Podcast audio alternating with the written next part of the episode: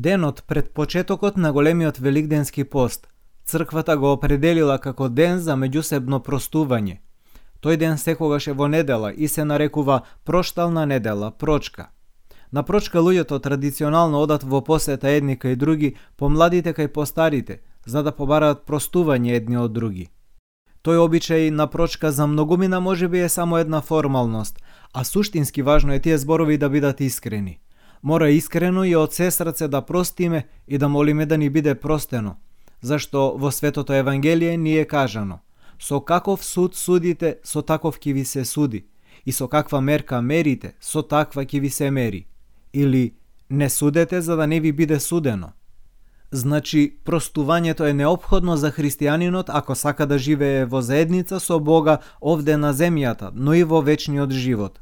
Ако не сакаме да му простиме на својот ближен, Не може да очекуваме ни Бог нам да ни прости. Не можеме ни да кажеме во молитвата Оче наш, прости ни ги нашите долгови, како што и ние им ги простуваме на нашите должници. Човекот кој не сака да прости навреда или некакво зло што му било нанесено, и самиот се затвора во злото, поразене затоа што не можел да го надмине злото со простување. Простувањето е услов за обновување и оздравување на нашиот живот – Ако простуваме, добиваме исцелување, душевно здравје. Ако не простуваме, носиме тага, гнев, рана на душата. Господ Исус Христос го истакнува простувањето како предуслов за било каква друга христијанска жртва. Ако сакаме нешто да направиме заради Бога, или ако сакаме да напредуваме во христијанскиот живот, ние воопшто нема да можеме да направиме ни чекор кон Бога ако предходно не сме го подготвиле нашето срце да простува и ако не сме направиле се што е во наша моќ да бидеме помирени со сите. Светите отци на црквата мудро го поставиле овој ден на простување пред постот, затоа што постот мора да биде придружен со милосрдие. Ако човек не простува, напразно ќе се обидува да пости, Постот со немилосрдно срце Бог не го прима. Постот со сурово срце некој отци го споредуваат со скорпија. Скорпијата може да остане без храна многу долго време, но при тоа произведува смртоносен отров.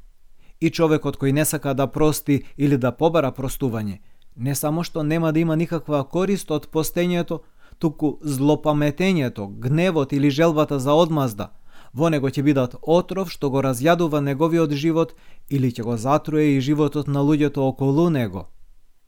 Ако пак знаеме дека е толку важно да простуваме, пошто може да знаеме дали вистински сме простиле. Реално простување се случува кога се молиме за оно што не повредил – кога не го озборуваме и осудуваме тој што не повредил, кога на дело му помагаме, му правиме добро и на секој начин гледаме како да се простиме и смириме со оној што не повредил. Простувањето и помирувањето имаат апсолутна вредност. Преку светото Евангелие ние откриена една радосна новост, дека Господ е подготвен да ни ги прости сите наши долгови, само ако и ние со неговата милост си простуваме еден на друг. Ако вие им ги простувате гревовите на другите, ќе ви ги прости и вам вашиот небесен Отец. Но ако вие не им простувате на луѓето, ни вашиот небесен Отец нема да ви ги прости вашите гревови. Од Светото Евангелие според Матеј. Господ Исус Христос ни предава еден образец за простување и кога раскажува како некој богат и добар човек на својот слуга му простил огромен долг. Имено, задолжениот слуга почнал да го преколнува господарот да му прости. И господарот по милоста и по својата добрина му го простил долгот. Но тој истиот човек го сретнал својот другар, кој пак нему му бил должен со некој мал износ и почнал да бара од него да му го врати. Должникот го молел малку да почека додека да ги собере парите, но овој бил неумолив.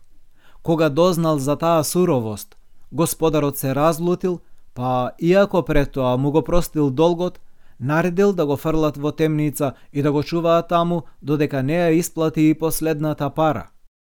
Оваа евангелска поука е за тоа дека мојот долг, мојот грев пред Бога е неспоредливо поголем од долгот или гревот на мојот ближен кон мене. Затоа, во Великиот пост, најчесто се чита една молитва со која молиме Господ да ни даде да ги гледаме своите гревови и да не го осудуваме својот брат – но ние често калкулираме, правиме своји пресметки кому и колку да му простиме, кому да не му простиме. А Господ Исус Христос ја отфрла таквата лукава човечка логика и на прашањето колку пати да простуваме, вели седум пати по седумдесет. Тоа значи безброј пати, односно колку пати и да ни побараат простување. Простувањето треба да биде постојан секојдневен став на христијанинот кон другите луѓе. Тоа отворено простување би било применување, остварување на древната христијанска порака и стих од црковната песна да простиме се со воскресението. Во светлината на славното тридневно се победно Христово воскресение, смртта е победена и дјаволот е поразен и секое зло и непријателство е безмислено и бесплодно. Затоа, да не простиш, значи да останеш во темнината, да не се стремиш кон светлината. Да не простиш, значи да останеш роб на гревот и да не ја сакаш слободата. Да не простиш, значи да го сакаш уништувањето на другиот, а не воскресението во животот. Простувањето е вистински продор на небесното царство во овој паднат свет. Простувањето е помирување, повторно соединување и враќање на радоста на животот. Пораката на проштална недела, на прочка, е да си простиме еден на друг и со отворени срца да стапиме на патот кон воскресението, кон новиот живот кој ќе го живееме со силата и со животот на живиот Бог.